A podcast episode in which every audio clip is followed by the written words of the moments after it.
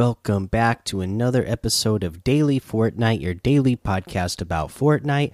I'm your host, Mikey, aka Mike Daddy, aka Magnificent Mikey.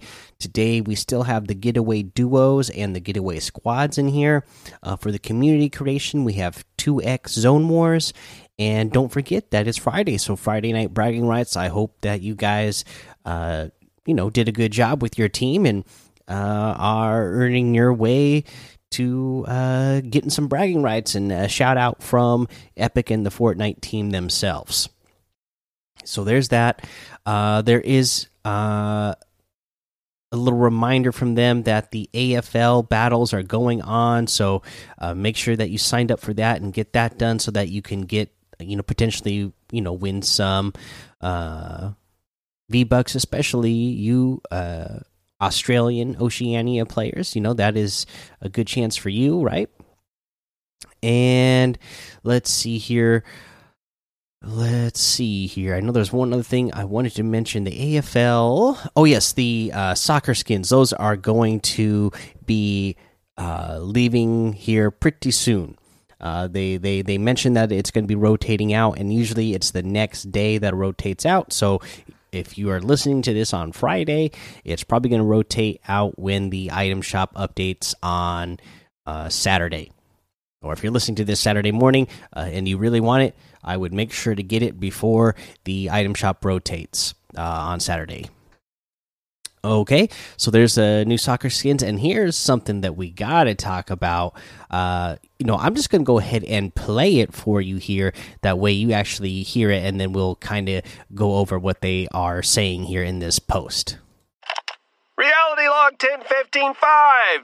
Sorry, hearing's a little shot because, wow, it is just non-stop laser guns and explosions here.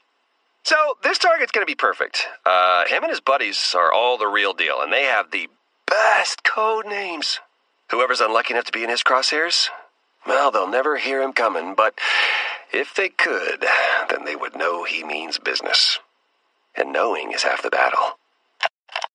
All right, for any of the old timers out there like me, you probably already have a good idea idea of what this is going to be. But if you need more clues for you youngins out there, uh, the the actual post says incoming transmission real, reality log one zero one five five target description Ninja Master. So, uh, the olds out there would have picked up on the fact that uh, he's mentioning one person, but he says he and his buddies have really cool code names. So there's your clue, and then uh, you got another clue that uh, you know he's. You're probably not gonna. The enemies aren't gonna hear him coming. And then the other one is knowing is half the battle. And once you get that clue, you you know what it is right there. They are they got to be teasing that GI Joe is coming, right?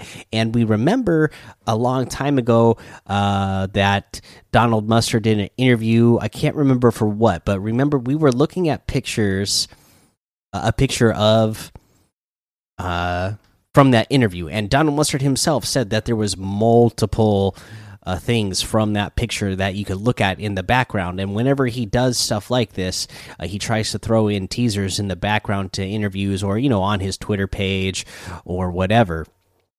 But one of the pictures from that interview happened to be he had a G.I. Joe action figure on the table in the background. Uh, this sounds to me like it's going to be Snake Eyes, since uh, he's going to be uh, the silent type, it, it is sounding like. So, really cool. Uh, you know, this season, I know they're doing a lot of. Um, you know, collaborations with other IP, but they, they are really hitting home for me this season. I mean, Marvel Marvel season was really cool, uh, but this season that they are literally bringing in everything, I'm really loving because it happen just so happens to be everything that they're bringing in bringing in is stuff that I love from my childhood. So, so uh, you know, uh, if I had all the money they would have, all my money if I had the, as much money to spend because everything that they are putting out I want uh just can't get it all but my goodness it's it's all stuff that uh, I uh, enjoy so they are really hitting home with me this season on the stuff they are putting out Okay, let's see. Uh, that's all I really got for news for you. Uh, so let's go ahead and talk about a challenge tip. Let's see here. Shake down an IO guard. You only have to do one. Okay, uh, and I, I guess you you're gonna want to know where there are IO guards. Uh, they're all over the map, just north of Steamy Stacks. Uh, you know, north uh northeast of uh of Craggy, on the north end of uh uh my goodness uh Coral Castle. Uh, you got it just to the west of Pleasant Park. Uh, you know, th those are all areas. Uh, you know, just on the north outside of Misty Meadows to the east of Lazy Lake. Uh, for me, where I would go, I would go. So, in between Holly Hedges and Sweaty Sands, there it's if you're there's the road that connects them there. If you go to just right about the middle point of the road between Holly Hedges and Sweaty Sands, uh, that is where the IO guards are going to be. If you go there, there's not a whole lot of enemies that uh, you know, not a lot of other people in the match end up landing around that area, so it shouldn't be too hard to get there. Uh, you know, another good spot is directly north of that, you know, northwest of Sweaty Sands at Fort Crumpet. Uh, there's been quite a few challenges there this season, uh, but IO guards just end up east of there, so you could go there as well. You might get some more people going there trying to pick up other challenges that they haven't done yet, or just because uh, some people still really like to land there. But those are a couple of good spots, I think. Uh, that you can easily get this challenge done. Uh, let's see here. That's the challenge tip. Let's go ahead and go take a look over at uh, what is in the item shop today.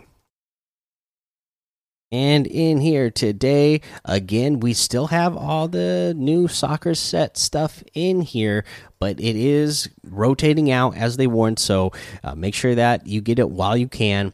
The rest of the item shop, we have the monk's outfit with the peel pack backbling for 1,200, the scorpion outfit for 800, the rainbow rodeo wrap for 500, the living large emote for 500. The Gangnam style emote is still here for 500. The battle call emote for 200.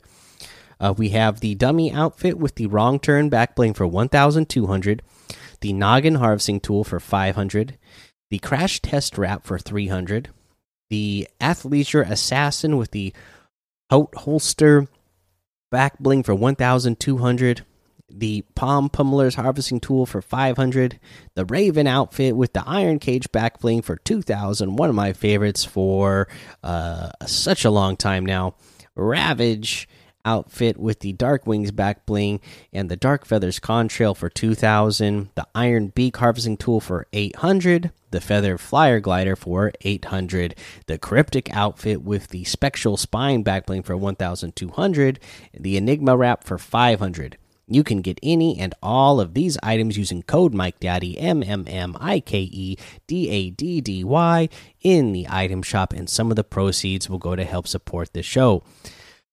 Okay, so uh super long day for me at work today, so no tip of the day for you today, but we'll get back on tomorrow. Hopefully I will uh you know have a somewhat uh normal day uh, at work tomorrow. Didn't have time today and I got to uh, get to bed so I can be to work early again tomorrow. But thanks for checking out the episode. Go join the daily Fortnite Discord and hang out with us. Follow me over on Twitch, Twitter, and YouTube. It's Mike Daddy on all of those. Head over to Apple Podcasts, leave a five star rating and a written review for a shout out on the show. Make sure you subscribe so you don't miss an episode. And until next time, have fun, be safe, and don't get lost in the storm.